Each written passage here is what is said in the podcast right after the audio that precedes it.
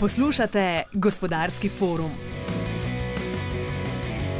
Krize so, krize bodo. Potrebno se je zanašati predvsem na sebe. Vedno je moj moto bil tam, kjer drugi nehajo, gremo mi zraven. Kakšno sporočilo dajemo slovenkam in slovencem? S tem, ko omejujemo dostopnost do finančnega sistema 350 tisoč ljudem. Moram reči, da sem uh, imel kar veliko intervjujev, ampak na ta način tega vprašanja še pa nisem dobil. Jaz nisem najbolj zadovoljen s tem performancem. Namesto da bi razumeli, da svet globalno tekmuje, mi še vedno ustrajamo na tistem letu 45. Ja, lepo, da imate zgodovinske podatke, spet moram biti zelo, zelo iskren. Povejte nam v petih minutah, zakaj bi mi kupili gorenje. Odlično vprašanje. Ne? Ne, nič ne plačam, je zdaj to že mal prehodot. Država se je pač utaknila v gozdove, da je tam zaparkirala svoje politične kadre. Pošljite otroke v tehnične poklice, vzemite našo štipendijo, pridite k nam delati. Super presenečenje, lepšega uvoda uh, si ne bi mogel zamisliti. To je forum Gospodarske zbornice Slovenije. Današnji gost podcasta je magistr Borut Fakin, novi predsednik Primorske gospodarske zbornice in direktor družbe Vina Koper, ene izmed treh največjih vinskih kleti v Sloveniji, ki velja za srce istrskega in slovenskega vinogradništva. Lani mu je nadzorni svet soglasno podelil še en mandat, ki bo trajal do marca leta 2028. Borut Fakin je ekonomist z magisterijem iz mednarodne ekonomije, sicer pa kleni primorec letnik 1978. Magister Borut Fakin, dober dan, dobrodošli in hvala, ker ste se odzvali našemu vabilu. Vem, da ste že pred tedni začeli s trgatvijo sort za penine. Na kaj se pripravljate v tem obdobju? A, trenutno pobiramo malvazijo, ki v bistvu malo sicer nam nagaja vreme, ker smo imeli pred desetimi dnevi tako zelo močen dež in nam je povzročil kar precej preglavic, tako da zdaj zelo hitro in učinkovito pobiramo to malvazijo, ki nam je ključno za to, da bomo naslednje leto dosegli tiste poslovne rezultate, ki si jih želimo. Tako. Lani suša, letos preveč dežja, kakšna bo letina? Zagotovo bo, bo nekoliko manj sladkorja v, v grozdi, oziroma računamo, da bo nekoliko manjši izplen, ampak mislimo, da, mislim, verjamemo, da se bojo fanti v enologiji, predvsem leti potrudili, da bo vina vsaj take kakovosti, kot so bila lansko leto. Se pa zdi, da ste jo v Istri letos dobro odnesli, glede na to, da je mnoge vinogradnike že julija prizadela toča, pa katastrofalne poplave po številnih drugih regijah. A ste v stiku s kolegi, ki jih je vreme prizadelo, kako jim pomagate? Ja, drži. Um, ko se pogovarjam s kolegi iz Štajerske, iz Dolenske, pa tudi iz Brd, ko slišim, kakšne številke imajo, kakšne, tudi kakšne spade imajo, kakšne spade imajo v vinogradih, ne, smo mi lahko kar srečni. Jaz mislim, da vseeno smo jo dobro odnesli uh, kljub temu, da smo imeli točo v zadnjih, zadnjih deset dni, mislim, da, da smo lahko zadovoljni z, z tem, kar se dogaja. Večinoma vaših vinogradov obirate strojno, koliko je pa še tistih pravih ročnih trgačev, takih mišičastih? Ne.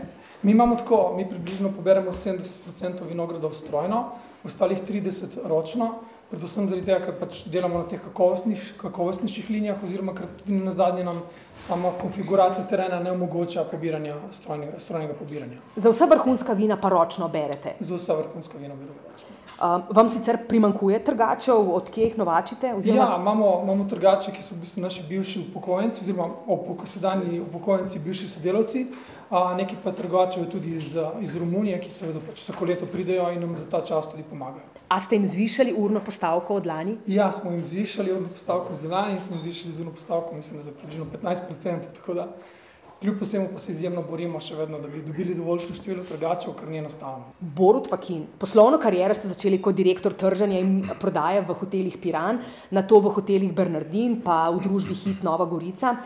Kakšna je razlika med prodajo v hotelirstvu in vinarstvu? Namreč eno je prodajati storitev, recimo hotelsko sobo, drugo pa proizvod kot je vino. Če sobe ne prodaš tisti dan, ostane prazna tisti dan ne, in ne moreš nikoli več skozi leto nadoknaditi. Pri vinu je mogoče malček enostavnejša ta zadeva, je pa dejstvo, da zagotovo sem nekatere pozitivne prakse, ki sem se jih naučil iz turizma, prenesel v ta vinski svet in s tem pač nekako tudi nadgradil to zgodbo Vina Koper, ki, je, ki mislim, da je pač v zadnjih letih res um, se prerodila in ima še pa zelo lep zelo lepo priložnost za naprej, da se nadgradi še naprej. Zagotovo ste pa to spontanost iz turizma prenesli v vinski posel. Ne?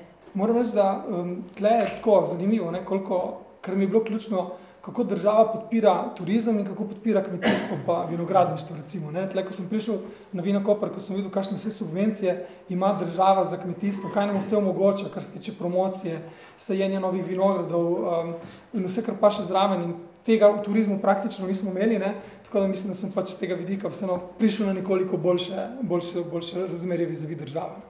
Vaš oče je bil nadzornik Vina Koper, zato so mnogi vaš prihod v družbo povezovali z nepotizmom. Kako so vas sprejeli zaposleni? A, jaz bi rad, najprej rad izkoristil to priložnost, da se zahvalim bivšemu direktorju, gospodu Nevitu Pucerju, je pustil tako izjemno lepo zapuščino. Kaj to pomeni, da je Nevijo z vsemi tistimi izkušnjami, tradicijo in vrednotami, ki jih je gojil več kot 20 let, podjetje pripeljal do neke točke, od katere smo lahko zgodbo lahko razvijali naprej. In je mislim, da to tisto ključno bilo, da so se mi dali nekako v roke neko zdravo jedro, ki sem ga potem v nadaljevanju razvijal. Moj tata, ki je bil pač v nadzornem svetu cel čas, ko je bil postopek in to mi je cel čas govoril, ne se prijaviti ostani v turizmu, ker je boljše, da si v turizmu, ti si bolj fan za turizem, ti vina ne znaš prodajati. In na koncu so ga mogli drugi prepričati, da se, se ni strinjal s tem, da pač pridem zraven. Tako da je bilo izjemno zanimiva situacija v smislu medijev in vsega tega, kar se je dogajalo. Ker tata je bil zadnji človek, ki mi je dejansko nekako svetoval, da gremo to zgodbo. A ste pa prišli v podjetje, kjer je bila relativno visoka starostna struktura, ne? a ste si mogli zboriti to avtoriteto? Ma, v bistvu ne gre za to, gre bolj za razmišljanje, kako s svojimi idejami nagovoriti sodelavce. Ker če bi jaz prišel v podjetje in začel pač udirati po mizi, pa mogoče raz, razmišljati in iti z glavo skozi zid pri nekaterih zadevah, mi sodelavci zagotovo ne bi sledili. Bolje je bilo to, da si izkušal pokazati neke primere dobrih praks, ki sem jih imel v glavi, kako sem videl razvoj Vina Koper, kako mogoče je kakšna klet, kakšna stvar že delala v tujini, pa tudi doma in jih na tašen način prepričati ne gre za stvar revolucije, gre za stvar evolucije kot take. In mislim, da je to tisto, kar je potem potegnilo veliko število zaposlenih za to, za to mentaliteto, za tem načinom razmišljanja in vsem to, kar smo tam delali, oziroma kar še počnemo. Kakšen direktor, kakšen menedžer ste? Ali sebe kot direktorja vidite predvsem v vlogi motivatorja? Namreč ob nastopu vašega mandata ste rekli, malo bom govoril in veliko delal. In tega se držite še danes. Ma, predvsem skušam poudarjati tiste pozitivne stvari, ki jih delamo, in tiste negativne nekako jih obravnavati na način, da se nekaj iz njih naučimo in da v bistvu nam pomagajo, da jih peljemo na drugačen način naprej. Moja starost mi ne omogoča, da bi pač vodil podjetje avtoritivno, pa tudi moj karakter ni tak, ne, da se pravi, moram ljudi pripričati skozi pogovor, skozi motivacijo in skozi željo, da naredimo nekaj novega, drugačnega, kar nas bo pripeljalo do tega, da bomo še uspešnejši. Nekje sem prebrala, da je bil vaš tata poseben človek, avtoritativen, ampak da vam je ta vzgoja koristila tudi pri tej funkciji, očitno. Ne? Ja, ne samo oče, no, tudi pač pretekli direktori, pa šefi iz turizma, ne, iz Bernardina, pa s hotelom Piran, pa tudi iz Hita, ne na zadnje, so bili izjemno avtoritativni ljudje, ki so me zelo veliko stvari naučili in mi kako prenesli to, to miselnost, ki pa v bistvu je ne, nisem, nisem se poistovetil z njo, ampak sem jo pač uporabil, ko sem, jo, ko sem, jo, ko sem začutil, da je vredno uporabiti. Zdi se, da vam energetska kriza, pandemija, vojna, naravne nesreče ne morejo do živega, pa da imate zelo dobro razvit krizni management. Letno prodate od 3 do 3,2 milijona litrov vina, drži? drži. Kdaj boste presegli mejo 10 milijonov evrov prihodkov? Smo že. Ste že? Ja, v bistvu strategija, ravno v teh dneh pišemo evalvacijo strategije, ki je predvidevala za leto 2023, da bomo dosegli nekaj čez 10 milijonov evrov prihodkov. Trenutno smo na 12,7, tako da smo že kar precej presegli strategijo. Rekordno leto je bilo 2020, v času pandemije, ko ste. Rekordno leto je bilo dejansko leto 2022, lansko leto, ko smo zrasli na prihodkih za 27% in tudi dosegli rekorden dobiček. Je pa pač to nek izziv, ki te žene za naprej, ne? kako bomo pa letos nadgradili lanskoletno poslovanje in to je v bistvu tisto, kar nas žene naprej, tudi strategijo, ki v teh dneh pripravljamo in pišemo do leta 2028. Tisto, kar se mi zdi sila osupljivo in imenitno, razvijate produkte, kakršne vaši zvesti kupci in pivci refoška ne bi pričakovali od vinske kleti. Med drugim spa program iz groznih pešk, o tem malo kasneje. S humorjem ste osupnili iz srpskega predsednika Aleksandra Vučiča, ki je v intervjuju za Sarajevsko televizijo Istrsko malvazijo označil za najbolj odvratno. In potem ste mu v Beograd preko veleposlaništva in eh, časnega konzula Tomaža Kavčiča poslali karton najboljših malvazij in tudi vabilo v klet Koper.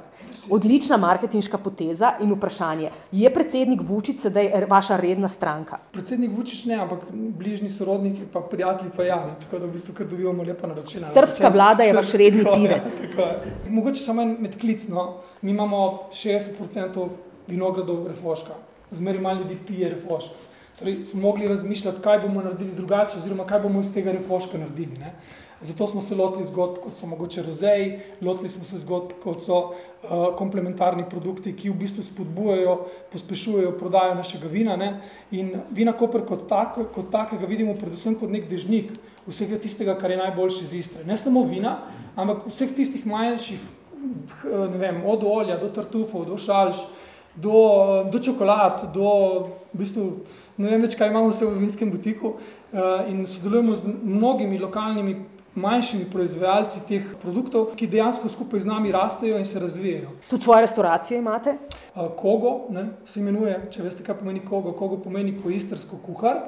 In tam ponujamo te tradicionalne istrske jedi na nek sodoben način, skupaj z več kot 50 različnimi vini, vina Koper, ki jih lahko vse pokušate na kozarec. Mislim, da smo edina, edina restauracija na Primorskem, ki ta, ima tašno število vin na kozarec. No. In super tudi produkt eh, Altroke Istra, s katerim ste se povezali z mestno občino Koper, ne? zelo uspešen. In v bistvu ste najdli recept, kako ne prodajate vaše vino, ampak prodajate regijo kot produkt. Ne? Drži, ja. Mi smo v vinskem butiku, recimo, ker je bila tudi mogoče taka miselni preskok, ki je v bistvu vinski butik Vina Koper, prej je bil to vino toč, da smo ga preimenovali.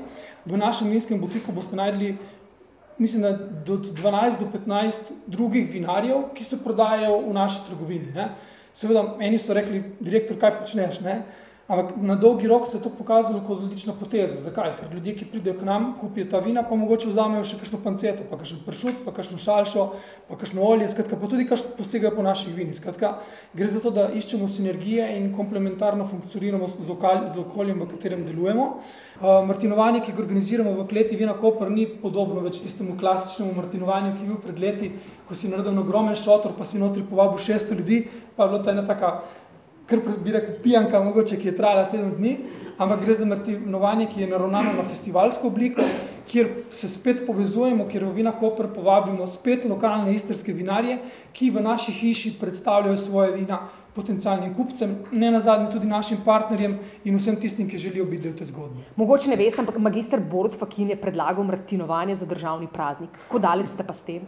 Ne, to je tako mogoče malo tudi, um, kako bi rekel, um, poper. No?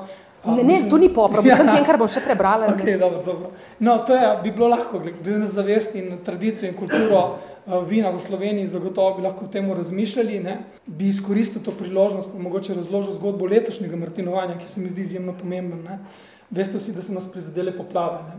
Uh, in da pač pol države je bilo pod vodo, in uh, imamo zdaj v bistvu en tak res izjemen, izjemen, izjemen dogodek, ki bo zaznamoval tako ali drugače to leto. No.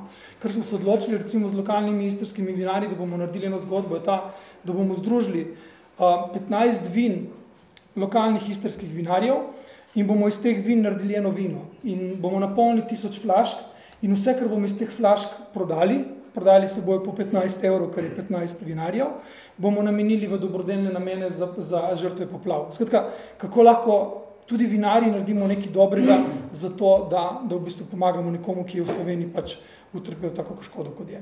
Ena vaših uh, inovativnih poslovnih odločitev je bilo tudi to, da ste vinsko klet spremenili v nogometno igrišče in da ste med hrastovimi sodi postavili gole in položili travo. In takrat ste kot sponzor Nogometne zveze Slovenije postali prva klet na svetu, ki je v svoji kleti gostila nogometno tekmo. Ja. Se to ponovili, glede na to, da imamo Čeferina v vodstvu UEFA? Ne, zanimivo je bila ta zgodba, ker smo rekli, naredili smo iz tako praktično zelo noč. Ne. Na nogometni zvezi Slovenije so bili tako navdušeni nad tem videom, da so ga dejansko uporabili za tisti ključen spot pred, med in po tekmo vsake reprezentance, ko igra Slovenija, tako da smo dobili dodaten oglaševalski prostor, brez da bi ga plačali. Ne. A potem je kontroverzna akcija, ko se je na vodovarstvenem območju Rižane razlil kerozin, vi pa ste na obcesni plakat napisali: Ni vode, brez skrbi, če je nismo tu mi. Tu je v stilu Marije Antonijete, če ni kruha, najejo potico. Okay, zdaj, če bi šel nazaj, ne vem, če bi to ponovil. Ja. Um, ampak ne glede na to, s tisto akcijo smo res zabeležili izjemno medijsko, mislim, medijsko prepoznavnost, dobili ogromno neke vrste oglaševanja. A se vam je povečala prodaja? Ne, povečala se nam ni, dosti se je govorilo o Vinkoper. Kako se vam obrestuje sodelovanje s kuharskim mojstrom Tomažem Kavčičem, pa zvezdniki kot so Petr Grašova, Severina? Z Tomažem izjemno dobro sodelujemo in se mu zahvaljujem za to, kar počne za nas vsa ta leta. Zgodba Panetona, ki je mogoče ga bomo v nadaljevanju tudi videli na videu, je ena taka res posebna stvar. Ne? Ko smo se jo lotili, je bila taka, da v bistvu se prav spomnim, ko smo pripeljali prvih tisoč Panetonov v klet, um, je prišel skladiščnik do mene in rekel: Direktor, ste vi sigurni, da bomo mi to prodajali? Ne?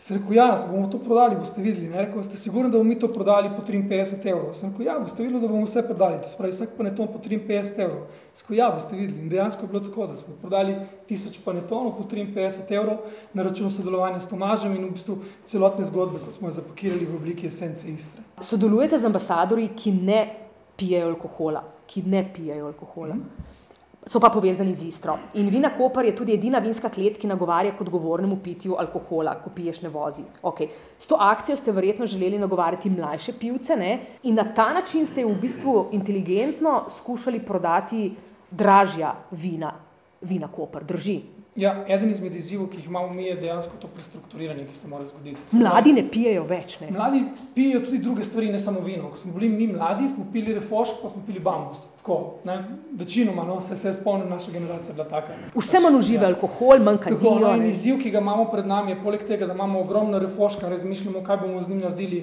in delamo podobne zgodbe kot je roze, je ta, da se moramo prestrukturirati. To se pravi, mi še vedno prodamo ogromno število literskega programa. Ne? Živimo od litrce refoška, pa od litrce malvazije ampak delamo vse in povečujemo delež buteljčnega vina, povečujemo delež vrhunskega vina in to je tista dodana vrednost, ki nam bo v današnjih razmerah omogočila, da na, glede na stroške, ki so in so neizbežni in dejansko jih ne moremo znižati, vina Koper napreduje in se razvija še naprej kot klet.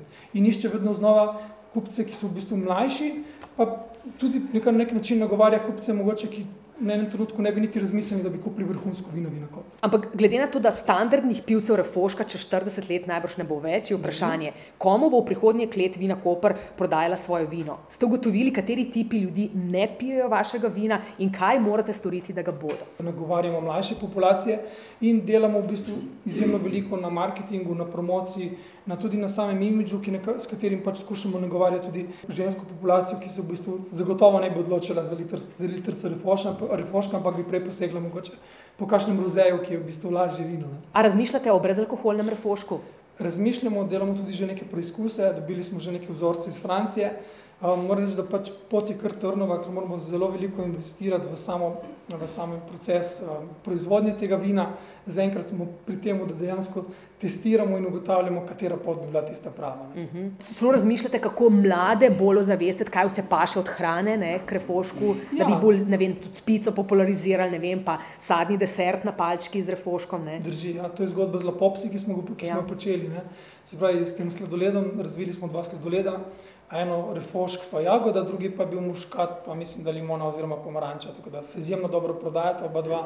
In je to spet nek, nek vzvod, kako nagovarjati mlajše populacije, da se približajo blagovni znamki Vino Koper in da nam dajo priložnost, da probajo to vino. Ne? Ker enkrat, ko ga bojo probali, jaz sem pripričan, da bojo najdli nekaj, kar jim bo tudi njim všeč. Glede zaščite refoška na ravni Evropske unije nimate dvomov. Morali bi ga zaščititi kot istrski refošk, ne? Ampak skupaj z Italijani in Hrvati. Kako realna je ta zaščita v praksi, da se vam ne bo zgodilo kot se teranu? Ampak jaz le v bistvu ne vidim te zgodbe. Teran je bila zgodba, ki se je izključevala. Jaz pri Vino Koper razmišljam o povezovanju. Na italijanski strani imajo ta refosko del Poduncolo Rosso, pravijo, ne? je ena posebna sorta refoška, Na hrvaški strani imajo tega refoška izjemno malo, ker je prisoten teran. Ne. Mi moramo najprej zaščititi istrski refošk v Sloveniji kot tak in se potem v drugem koraku povezati z Italijani in Hrvati, če bo volja na njihovi strani, da to na ravni Evropske unije zaščitimo. Mislim, da pač lahko to je ena pozitivna zgodba, ki je v bistvu obratna tisti, ki smo jo peljali mogoče s teranom. Ker mislim, da nismo prodali nič manj tega vina, kot bi ga, če bi se zgodba s teranom na Hrvaškem končala drugače. Res je, kraškim pridelovalcem se v bistvu ni zmanjšal tržni delež na domačem trgu. Ne? Kako sicer vidite povezovanje vinarjev v Istri? Na terenu se zdi, da je dovolj združen odborov, konzorcijev in društev. Kako živo je povezovanje z goriškimi brdi, s kletjo, ki je največji izvoznik slovenskih vin v tujino? Je to samo ideja ali ste že kaj konkretno napredovali? Ne, ali ste preveliki konkurenti? Ne, mi tam, kjer le lahko sodelujemo, predvsem na izvoznem segmentu, kjer se povezujemo imamo skupne sejemske nastope in v odnosu do države, ko pač pričakujemo oziroma želimo nekatere zakonodajne spremembe oziroma prilagoditi pač zakonodajo, tako da bo v bistvu nam olajšalo proces dela. In tam zagotovo sodelujemo in bomo nadaljevali z neko, z neko zgodbo skupaj. Kar se pa tiče lokalnih istrskih vinarjev, pa v bistvu gre za nek način uh, samo spremembo mentalitete, ki bi si jo želel, da se mogoče obrne malo na glavo. Ker ne na zadnje, še vedno velika večina vinarjev in v Istri in v Sloveniji vino proda na domačem, domačih tleh. Ne? In v bistvu se ne ukvarja s tem, koliko vina bo prodalo v tujini. In ker je to en izjemno dolgotrajen in zahteven proces, se ga redko kateri vinar tudi loti tako, kot bi se ga moglo. In tle mislim, da imamo en lep pozor, kar počnejo Avstrijci in kako je tle država v Avstriji skupaj z, z občinami in tudi z vinari nekako združila moči in naredila tak model, ki v bistvu omogoča to, da se nek, nek delež prodaje vin na domačem trgu potem reinvestira v to, da gre v promocijo na tujino. A je ta avstrijski model povezovanja lahko pravšnji tudi za Slovenijo? Namreč Avstrija ustanovila Austria Wine Marketing Board. Bi s to agencijo, s tem združenjem lahko slovenska vina dosegala ceno, kot jo dosegajo italijanska, francoska vina. To, kar ste zdaj vprašali, je tretji korak. Jaz mislim, da moramo najprej pogledati, kako imajo to urejeno v Avstriji in tisti, ta primer dobre prakse nekako preslikati na, na, na nam najboljši način, tako da bomo imeli tudi v Sloveniji pač nekaj podobnega. Je pa dejstvo in mimo tega ne moremo. Ne? Italijanska, francoska, pa še kakšna druga vina so bistveno bolj prepoznavna v tujini kot naša, ker so pač imajo bistveno večjo tradicijo, so dlje časa prisotne na tujih trgih in je tako izjemno naporno to početi, ampak mislim, da lahko svoj prostor pod soncem dobijo tudi slovenska vina. Preden se dotaknemo tujine, družba Vina Koper je bila prepoznana kot najboljše živilsko podjetje v letošnjem letu med srednjimi in velikimi podjetji. A je to tudi na račun trajnostnih inovacij? Mislim, da je na račun vsega tistega, kar smo počeli 75 let. Kako se obnese kartonasta steklenica? Mislim, razmišljanje je šlo v smeri, da naredimo ekološko vino, ampak kaj bomo naredili z embalažo. Ne? In potem smo najdli v tujini en primer, ki v bistvu nam omogoča, da ta embalaža je v 98% reciklirana. In smo se potem odločili, da bomo celoten produkt naredili Eko 360 in iz tega pač zdaj nastaja ta steklenica, ki bo, ki bo v bistvu zagledala luč sveta, mislim, da marca 2024 in bo tako premjerno na slovenskem trgu spet nagovorila vse tiste potrošnike, ki razmišljajo in funkcionirajo trajnostno v celoti. In ta kartonasta steklenica je petkrat lažja od steklene in zmanjša oglični odtis za 84 odstotkov v primerjavi s steklom. Celo oglikov dioksid, ki nastaja v procesu fermentiranja vina, pri tem v projektu Eko 360, ste izkoristili. Drži. Jaz sem bolj razmišljal s tem, kako produkt razviti na način, da ga približam kupcem. To pravi, da ni samo ekološko vino, ampak da je produkt kot tak v celoti, uh mhm. -huh. da ima za svojo zgodbo. Ampak cela zgodba prva je trajnostna, iz groznih pešk spa program, ne? Ja. kozmetična linija. Kar se tiče te trajnosti, jo vsaj jaz delim na tri področja. Eno družbeno, drugo ekonomsko in tretje okoljsko. Ne? In kot tako tudi funkcioniramo. Ne? Družbeno v smislu, da nekako tisto, kar eh, počnemo, um, dos, kot cilj imamo tudi to, da nekako izboljšamo materialni, materialni položaj naših sodelavcev, da se poprečna plača dviguje, da razmišljamo o tem, kako vračamo to, kar nam okolje daje, ekonomsko na račun tudi tega, kako razvijamo in nadgrajujemo produkte in dobavitelje in kupce nekako skupaj z nami peljemo v to smer. Ne na zadnje, v bistvu smo v zadnjih dveh letih zelo veliko, zelo veliko sredstva vložili v elektrifikacijo, naredili dve sončne elektrarne, elektrificirali vozni park. Celo traktorje. Ja, celo traktorje. Pač imamo tam tudi te rekuperacijske mulčerje, imamo 12 postaj, s katerimi merimo, kaj se dogaja v vinogradih in s tem nekako tudi leveriramo samo škropljenje. Skratka, marsikaj počnemo vse na račun trajnosti, ker se zavedamo, da je to neka prihodnost. Kadri. Okay, v Vina Koper si prizadevate za kvaliteto vina v Istri, za dvig vinske kulture. Po kakšnem ključu pa izbirate vaše sodelavce? Namreč pri izbiri kadra za vinsko klet je pomembno, da ljubezen do osnovnega produkta ni prevelika. Ja, drži. Jaz moram povedati, da vinako imamo izjemno majhno fluktuacijo. Zelo nizko. Tako, ja. Tisti, ki pride na vinako, tudi ostane. Ker, ker, pač, ne, zgleda, ker ima če... veliko ljubezen do osnovnega produkta. Ja, ampak jaz mislim, da je tudi kakšen drugi razlog. No. Res nas je 95. Res veliko ljudi je starejših od mene, v naslednjih letih se bo veliko sodelavcev tudi upokojilo.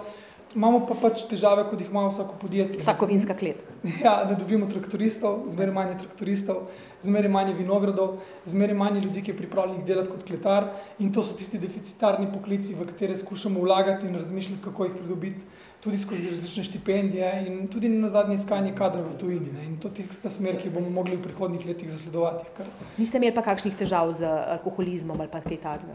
V posameznih primerih, ampak nič več. Tako da to znamo nekako krutiti zaenkrat. Koliko je zaposlovanje družinskih članov znotraj eh, podjetja lahko referenca na eni in ovira na drugi strani? V osnovi nisem pristaš za to, ampak če je pa kader dober, če ima izjemen potencial, če ima voljo, če ima motivacijo in je pripravljen delati, pač grem tudi mimo tega, da je pač mogoče že oče ali pa dedek delo vina koper. Uh -huh. Je pa dejstvo, da tudi po drugi strani nam to omogoča, da to tradicijo peljemo naprej, to zavedanje. Ne. Jaz vedno znova, ko se srečam z našim županom iz Kopra, mi vedno pove, uh, Borut, moj oče je delal v Vina Koper toliko in toliko let in jaz čutim to pripadnost do Vina Koper. Skratka, Ta tradicija, ne? zelo ja. pomembno je, da, da vsi odsevajo vrednote istre, primorske. Ne? To je zelo pomembno. Bilo, ja. In to se tudi poznalo pri, pri zadnjih letih, pri poskusih nakupov podjetja in v bistvu, kako smo primorci držali skupaj in se v bistvu tudi na račun tega Vina Koper, po mojem mnenju, ni prodalo kot podjetje in je še vedno v posrednji državni lasti, oziroma imamo tukaj Luko Koper, pa Agrarijo Koper, ki nekako sta nekakšna skrbnika. A še dobivate na mizo ponudbe za prodajo vina Koper? Namreč za nakup vaše družbe se je v zadnjih letih izrazil uh, interes lastnik pla, uh, Plaste, Franz Frelih, pa šef celskih mesnin, Izidor Krivec, tudi uh, Silvan Pršolja iz Kleti Brda je izrazil interes. Prodajni proces in vse, kar je povezano z njimi, je stvar lastnikov. Jaz pač valjda sem tle pač neke vrste management in direktor, ki skrbi za to, da poslovanje poteka, kot smo si ga zastavili. Je vina Koper za posamezne lastnike strateška naložba? Mislim, da je vprašanje za njih, ampak jaz bi si želel, da taki lastniki, kot so zdaj, tako kot oni razumejo vinogradništvo kot dolgoročno panogo in ta vlaganja, ki, ki, ki nas podpirajo pri teh vlaganjih, nam tudi pomagajo to, da dejansko se razvijamo in dosegamo take rezultate, kot jih dosegamo. Kar se tujine tiče, 10 odstotkov vina Koper ustvarite z izvozom. Vina in druge izdelke vina Koper najdemo na trgih 23 držav. In potem, ko ste leta 2021 vstopili na češki, polski in srpski trg, pa se je v letu 2022 kot odlična poteza um, izkazal tudi afriški trg.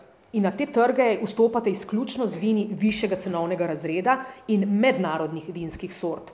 Avtohtone sorte je očitno zelo težko prodajati v tujini prvo vodilo, ki ga imamo, imamo ta, da ko gremo v tujino, skušamo poprečno ceno, ki jo dosegamo v Sloveniji, nadgraditi. To pomeni, da prodajamo vina, ki so nad poprečno ceno v Sloveniji. Zato pač ne počnemo aktivnosti, ne peljemo in ne prodajamo litrskega, prodajamo tam, ampak delamo res na teh vrhunskih vinih.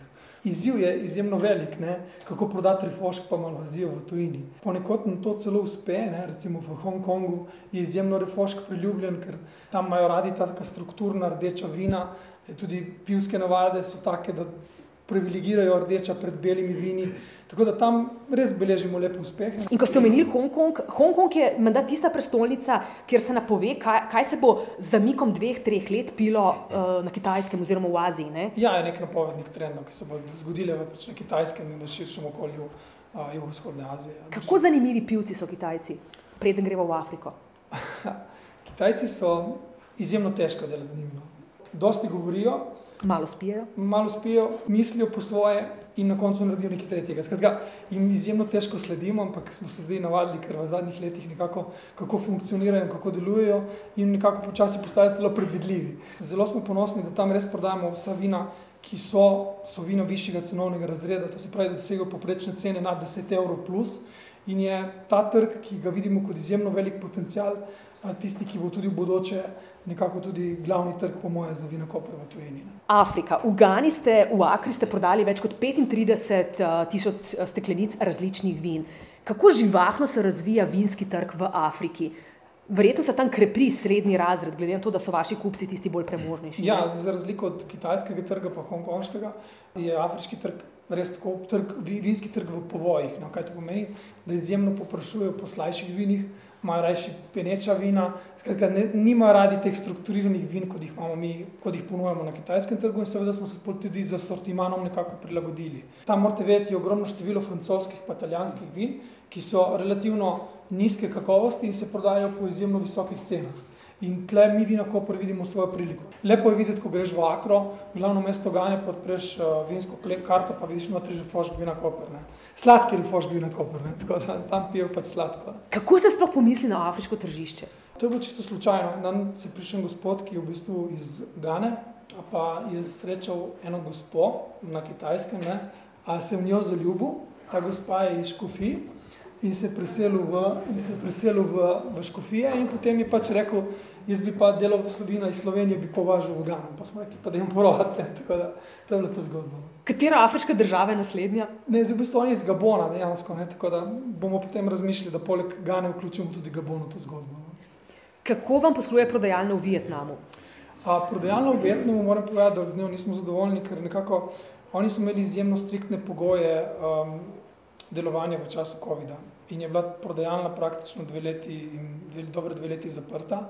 Zdaj smo, zdaj smo v fazi razmišljanja, da sploh še ohraniti tam zgodbo v Vietnamu, ker je izjemno težko, izjemno zahtevno tržišče, ki zahteva izjemno velika vlaganja v to, kar, kar želimo razvijati in početi v Vietnamu. Tako da Morda se bomo odločili in se bomo celo umaknili iz tega tržišča in iskali nove priložnosti v drugih, drugih bližnjih državah. Zelo lepo delamo na Balkanu, zelo lepo se nam odpira Bosna, Srbija, Hrvaška in seveda tudi Avstrija in pač te bližnji trgi, mislim, da so tisti ključni, ki bodo tudi v bodoče generirali razvoj izvoza vina Koper. Na katere trge vas pa še vleče izven mogoče Evrope? Tle imamo vedno, vedno imamo, ne, prej ste prebrali 23 držav, sliši se super, ne, ja. ampak to pomeni, da moraš imeti ne, 23 različnih pristopov, pa načinov funkcioniranja in delovanja na teh trgih. Mi nimamo 23 potnikov, ne, imamo pač dva. In kakšenkrat je mogoče tudi vredno razmisliti, pa dvigniti ročno, pa se reči, ok, tle ne bomo šli, pa da mogoče aktivnost in resurse dati na ta trg, ker verjamemo v njega, ker smo ga že razvijali pet let in ker je prav, da ga razvijamo tudi naprej, ker vidimo potencial tam. Kako pa je vašim delovcem izziv delati v tujini, glede na to razprašenost 23 trgov? Ja, tisti, ki se ukvarjajo v prodaji, pač delajo to z dušo in mislim, da pač eh, zelo radi to počnejo. Uh mhm. -huh. Kako nagrajujete vaše sodelavce, kako so recimo udeleženi pri samem dobičku? Lansko leto smo... Jih pošljete na študijsko turo v Vinsko kleto v Francijo? Ne, gremo tako, kadarkoli, kdorkoli pride do mene in reče, jaz bi se šel izobraževati, jaz nimam nobene težave, da to podprem. Predvsem zaradi tega, ker sem bil tudi jaz v podobnem položaju in sem vedel, koliko krat sem dobil mogoče negativen odgovor in kaj mi je to meni pomenilo kot nekomu, ki se je želel razvijati in nekako nadgraditi svojo poslovno pot. Ne.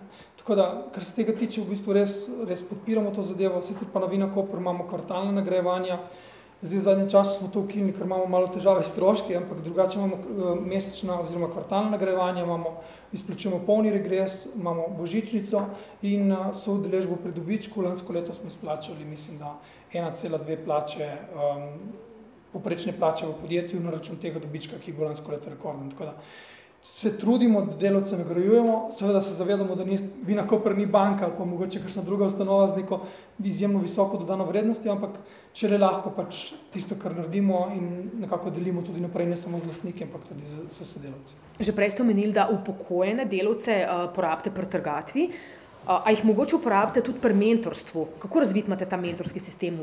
Ja, recimo um, gospod Erhetič, ki je v bistvu šel v pokoj recimo štiri leta nazaj, že, že četrto leto sodeluje z nami pri trgatvi in uvaja mlade, mlade kletarje, mlade vodje kleti in nekako nakaže, pokaže pot, kaj vsaka trgatev je različna. Pravi, um, Darko je res izjemen potencial, ki v bistvu še zdaj, kljub temu, da je v penziji, uči mlajše generacije. Ne? In tako počnemo na različnih področjih. Mislim, da podobno bomo zdaj, ko imamo upokojitev gospoda, um, ki je v bistvu pokrival 30 let kmetijski sektor in je skrbel za 600 hektarov vinogradov, uh, bo, bo z nami ostal tudi v prihodnjem letu kot nek zunani sodelavec, zato da bo spet to znanje prenašal še naprej mlajšim generacijam, ker, ker preklopiti se ne da. In mislim, da pač vinarstvo to zahteva in je prav, da tako funkcionira. Koliko žensk dela v Vina Kopar? Mislim, da je pač tam blizu 25. Sicer smo bolj fantasko podjetje, ampak. Za kakovost vina ste v celoti odgovorni sami, ker delež grozdja, ki ga odkupite od kooperantov, uh, mimo grede vsi prihajajo iz slovenske istre, znaša samo 10 do 12 odstotkov na letni ravni. Kar je v redu, ne? imate nadzor nad kvaliteto v bistvu, ne? tudi nad tem, s čim škropite in vse ostalo, ne? ni ja, nekih presenečenj. Je super, imam, po eni strani imamo nadzor nad kvaliteto od vinograda do kleti, po drugi strani nam to povzroča izjemno velike stroške in v bistvu se ukvarjamo s tem, kako te stroške brzdati. Če si predstavljate, imamo 35 traktorjev, ne, imamo nekaj manj traktoristov imamo štiri kombajne, ki pobirajo grozdje, imamo mulčere, mislim, skratka, imamo ogromno število mehanizacije, ogromno površin za obdelati in mi smo tovarna na prostem. In kot smo prej omenili, enkrat je suša, drugič so poplave, tretjič je toča, skratka, vsako leto se soočamo z nekimi pojavi, ki nam nekako uh, pretrgajo tisti normalen delovni proces. Ne ali to leto mogoče temperature so više v maju, enkrat so nižje v maju. Skratka, izjemno veliko izzivov imamo, s katerimi se soočamo in to pač posledice tega so potem tudi te stroške, ki nekako moramo pol prenesti v samo poslovanje in zato razmišljati, kaj bomo naredili na drugi strani na prihodkih, da bomo kot Vino Koper preživeli tudi v bodoče. Uh mhm. -huh. Kader v celoti izobražujete sami oziroma koliko sodelujete z izobraževalnim sistemom? Mi imamo podpisane štipendije z, z fakultete za vinogradništvo in vinarstvo Zajduščine, sodelujemo z različnimi inštitucijami, sodelavce pošiljamo na vset izobraževanja, imamo somelejske izobraževanja, skratka, čez celo leto se nekaj dogaja. Kar se tega tiče, se trudimo maksimalno nekako zagotoviti neko platformo znanja, ki ga vsak potrebuje, da lahko funkcionira znotraj Vina Koper in da je motiviran za to, da funkcionira in deluje proaktivno, kar je meni ključno za to, da pač peljemo podjetje naprej. Ali ta vaš poslovni model bi ga bilo vredno razpršiti tudi na Vipavsko klet, pa na klet Brda, pa na zadružno klet Metlika? Se mi zdi, da imate tak dober model, ki ne zajema samo vino, ampak cel teritorij zajema. No? In bilo vredno tak model razširiti tudi na druge regije. Ja, ampak jaz mislim, da vsak, vsaka klet v, v Sloveniji ima svojo zgodbo in je prav, da je pelje naprej. Mm -hmm. Jaz tudi, kar še enkrat pogledam, kaj počnejo sosedi, pa mogoče kakšno stvar vzamem na znanje, pa razmišljam, kako bi mogoče podobno naredil pri nas. Nisem zato, da se pač eh, stvari kar kopirajo, pa vzamejo kot primer dobre prakse. Mi v Istri smo bili pred nekim, nekim razvojnim momentom in smo se potem odločili, da to zgodbo vinotoče, odprtega vina in malvazije nadgradimo z, z vrhunskimi vini, z artikli, ki pokrivajo celotno Istro in nagovarjamo v bistvu ljudi s tem, da se povezujemo in da odpiramo naša vrata ne pa da razmišljamo, kako se bomo zapirali in mislili, da smo najboljši. Ne. To je pač neka filozofija, ki jo vsak pelje po svoje. Istra bi se mogla tržiti kot enotna destinacija, ne? bi bilo v interesu vseh vas, gospodarstvenikov tam. Ja, jaz mislim, da pač Istra je tako eh, izjemno močen brand. Tak, Pogosto krat v tujini poznajo prej Istro kot Slovenijo. In mi bomo zelo veliko tudi v bodoče delali na tem, da je Istra tisti prepoznavni element vina Koperna. Ampak ne bežimo od tega, da, da smo Slovenija. Ampak Hrvaška Istra je bolj kul cool kot slovenska, kot je bilo rečeno tudi na gospodarskem forumu v Kopru. Ne? Ja, je bolj kul, cool, ker so pač začeli nekatere stvari delati prej, ker je država nekatere projekte zagnala prej in ker se tudi miselnost ljudi, ki tam živijo, zagnala prej. Ne? To se pravi, mi pač mislim, da imamo še to priložnost in bi bilo vredno v naslednjih letih jo izkoristiti, ker potencial je ogromen. In tudi Malvazija, ne?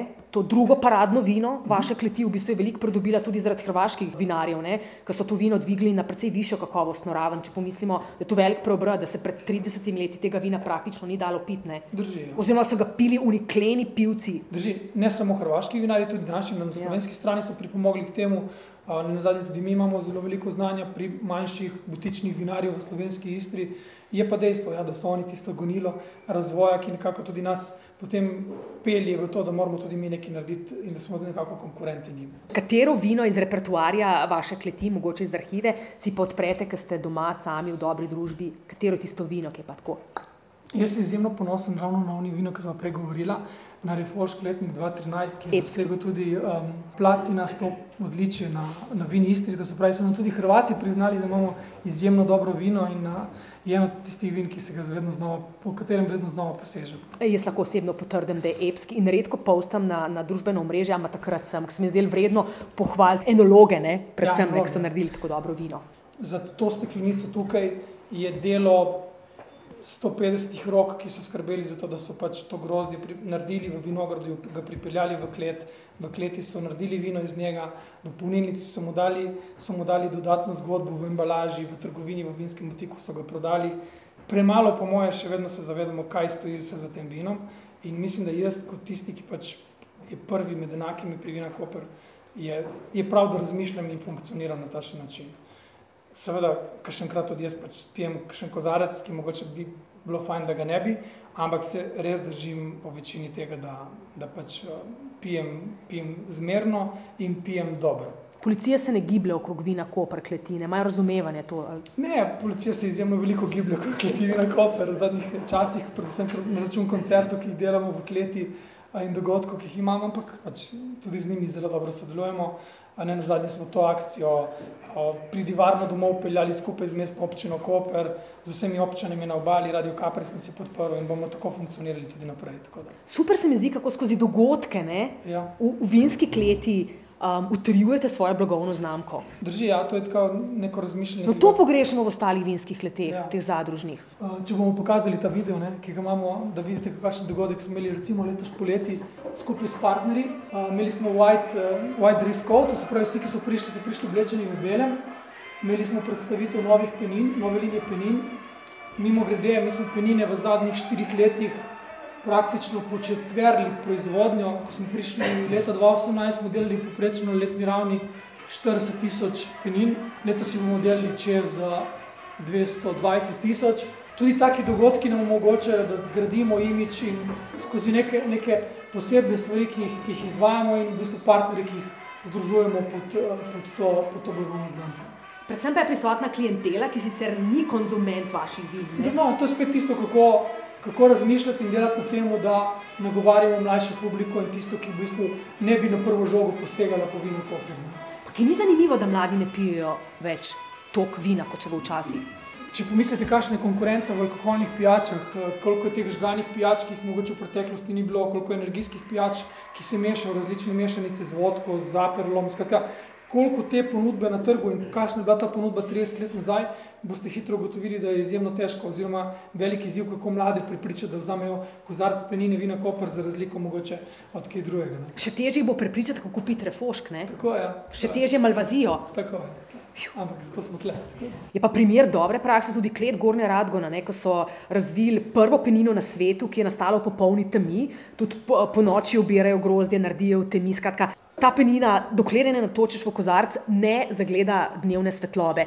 In oni tudi gradijo vinski hotel in celo ulico vinsko. Ja. Ali boste potem zgledu, mogoče tudi v kleti Vina Koper, sledili temu, ali je naslednja naložba vinski hotel na obali? Ne, naslednja naložba, ki jo nekako načrtujemo pri nas, je za to zgodbo, ki jo imamo, pripeljemo v Ljubljano. Kaj to pomeni, da v bistvu ta vinski butik, ki je, ki nagovarja pač populacijo skozi te kataloge in podobne zadeve, ki generira to, da smo lansko leto, mislim, prodali 23 tisoč poslovnih in drugih daril, če si predstavljate, kaj je to ne, za en vinski butik v Kopru. Um, in to predvsem lokalnemu prebivalstvu in ljudem, ki pridejo mimo, ki grejo na dopust v Istro in se vračajo, oziroma se ustavijo mimo grede v Kopru. Kako ta potencial, ki, ki ga imamo, prenesti v Ljubljano in to zgodbo Istre pripeljati v Ljubljano. In to je tisto ključno, kar se bomo v, bistvu v naslednjem letu lotili in iskali pač en prostor, ki bo v bistvu nam omogočal, da ta vinski butik pripeljemo v Ljubljano. S katerim zvezdnikom se boste še povezovali? Pač povezovali se bomo z vsemi tistimi, ki bodo verjeli in bili del naše zgodbe. Zdaj težko reči, kdo je to, ampak mislim, da imamo zelo veliko dobrih primerov, kot je pač Severina, kar smo počeli, pa z nogometno zvezo, zdaj razvijamo zgodbo s teniško zvezo. Skratka, si ne delamo, nimamo mej in iščemo vedno znova neke zgodbe, ki bodo nekoliko drugačne od tistih, ki jih pač klasično klet pelje. Ne. Kako je sodelovati s Severino? Malo rumenih podrobnosti. Ja, malo je kar precej izzivi so, ampak mislim, da pač tudi ona je vzljubila vina Koper, vsako leto dobi nov poneton, tako da je, je pač uh, tako ma, nas ima rada in mislim, da pač nam je zelo veliko pomagala pri tem, da smo uspeli prijeti na Hrvaški.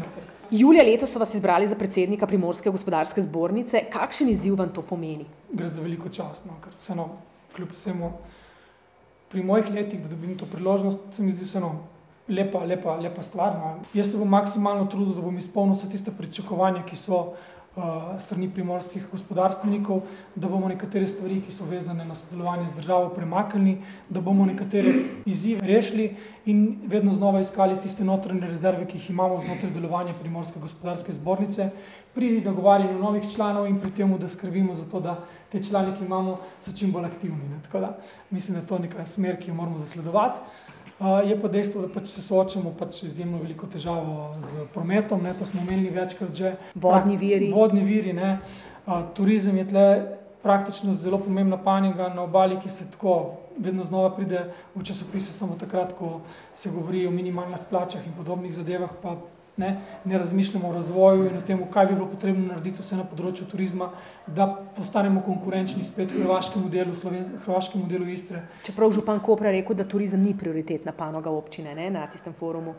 Ampak sej, ne, morem, ne moremo tega zanikati na nek način, ko vidimo, kakšen pomeni malo Luka Koper v Kopru. Ne. Je pa turizem izjemno pomembna panoga v Izoli, pa tudi v Ankaranu, pa izjemno v Portorožu in pod Piranu. Tako da jaz vidim to regijo kot eno celoto, ki se mora povezovati in delati kot eno. Ker samo tako bomo bili močni sogovornik vizavi Ljubljani in samo tako bomo lahko nekatere projekte, ki stojijo že dolgo let, premaknili iz mrtve točke. In je to tisto pač, po mojem, dodana vrednost, ki jo moramo zasledovati. Torej, v prihodnje vinski butik v Ljubljani, ne? v centru, centru? Ne, v centru, centru ne. ne. Vedno znova moramo razmišljati, kako kupec reagira. Ne? Ker če pač pomislite malo, če bomo mi naredili na tromostoju butik, ne bo mogel prijeti nekdo z avtom pa naložiti pet kartonov. Ne? Moramo razmišljati, kako pač narediti to, da pride gospod pa naloži pet kartonov vina. Še najdete čas za nogomet pa tenis? Ja, mi še uspejo. Ja. ja. Hvala lepa. Ja, naj uh, ostane tako. Jaz menim, da se za prihodnost vašega posla ni bati. Ne? Namreč, nismo zelenjavo in z mesom samo skrbni, smo pa 110 odstotkov samo skrbni z vinom. Ja. Uh, magister Borut Fakin, hvala lepa za vaš čas. Uspešno uh, tudi naprej vam želim vetru jadra pri osvajanju novih trgov in seveda dobro prodajo, pa čim uspešnejše nagovarjanje tudi, nagovarjanje tudi mlajših pivcev. Hvala lepa.